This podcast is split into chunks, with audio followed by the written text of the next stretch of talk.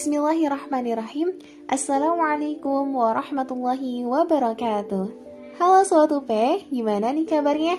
Semoga sehat selalu dan dalam lindungan Allah ya Nah, pada kesempatan kali ini aku mau membahas tentang musuh semua umat Islam Wah, emang umat Islam punya musuh ya? Punya dong, musuh umat Islam itu adalah setan, iblis, dan bala tentaranya. Nah, kalau misalkan kita berbicara tentang setan, iblis, dan bala tentaranya, pasti terbersit di pikiran kita adalah iblis, setan, dan bangsanya akan selalu mengganggu manusia, mengganggu anak cucu Nabi Adam sampai hari kiamat. Dan tempat mereka adalah di neraka. Bukan begitu kah Sobat Upe? Oke, kita ke teori dulu kali ya.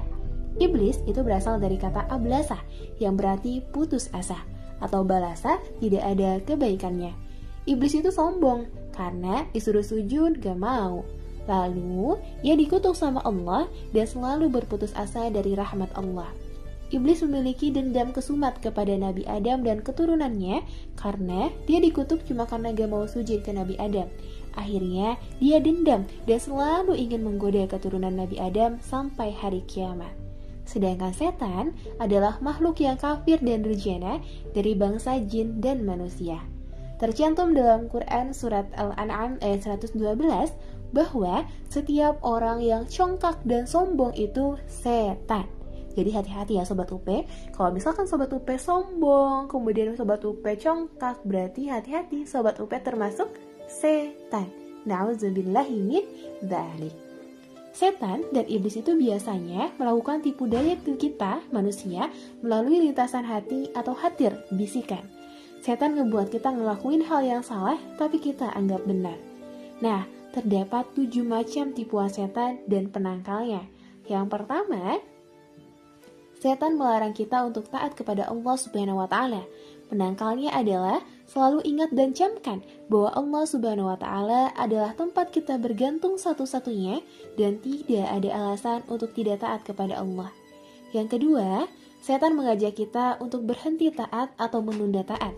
Motonya adalah entar-entaran, nanti dulu ah, masih seru nih dan lain sebagainya. Penangkalnya, banyak-banyaklah mengingat kematian karena kita tidak pernah tahu kapan ajal kita datang dan jangan menunda-nunda kebaikan. Yang ketiga, setan terkadang mendorong kita untuk terburu-buru dalam mengerjakan amal soleh. Penangkalnya, ingat, amal yang sempurna, walau sedikit itu lebih baik daripada amal yang banyak tapi tidak sempurna. Dan lebih baik lagi kalau amal kita banyak dan sempurna. Tergesa-gesa adalah salah satu sifat setan. Jadi, jangan buru-buru ya Sobat Upe, gak bakalan ketinggalan kereta kok.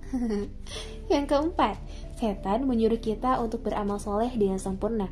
Tapi dengan alasan kalau gak sempurna bakal dicela orang. Nah, hal inilah yang membuat kita khawatir terhadap penilaian orang lain.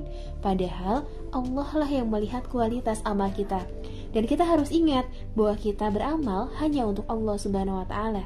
Orang ikhlas itu akan terus beramal dan tidak akan terpengaruh walau dia dipuji atau dimaki.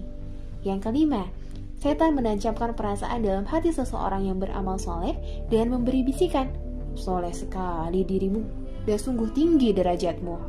Penangkalnya, bacalah segala puji bagi Allah Tuhan sekalian alam.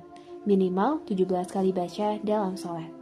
Yang keenam, Setan menyuruh kita untuk melakukan amal yang sempurna dan menyembunyikannya dengan alasan biar Allah yang akan menampakkan depan semua manusia di padang mahsyar, biar dianggap kita sebagai hamba yang ikhlas. Penangkalnya, hati-hati ya sobat UP, be careful. Yang ketujuh, setan juga akan membisikkan kepada hati kita tidak beramal juga gak apa-apa. Jika kita sudah ditakdirkan bahagia, kita akan bahagia. Sebaliknya, jika kita sudah ditakdirkan celaka, maka kita akan tetap celaka gimana caranya juga. Penangkalnya, ingat, kita hanya hamba Allah yang harusnya patuh dan taat kepada perintahnya. Ingat juga bahwa kebaikan maupun kesalahan, walaupun sebesar biji zarrah, Allah akan perhitungkan secara adil.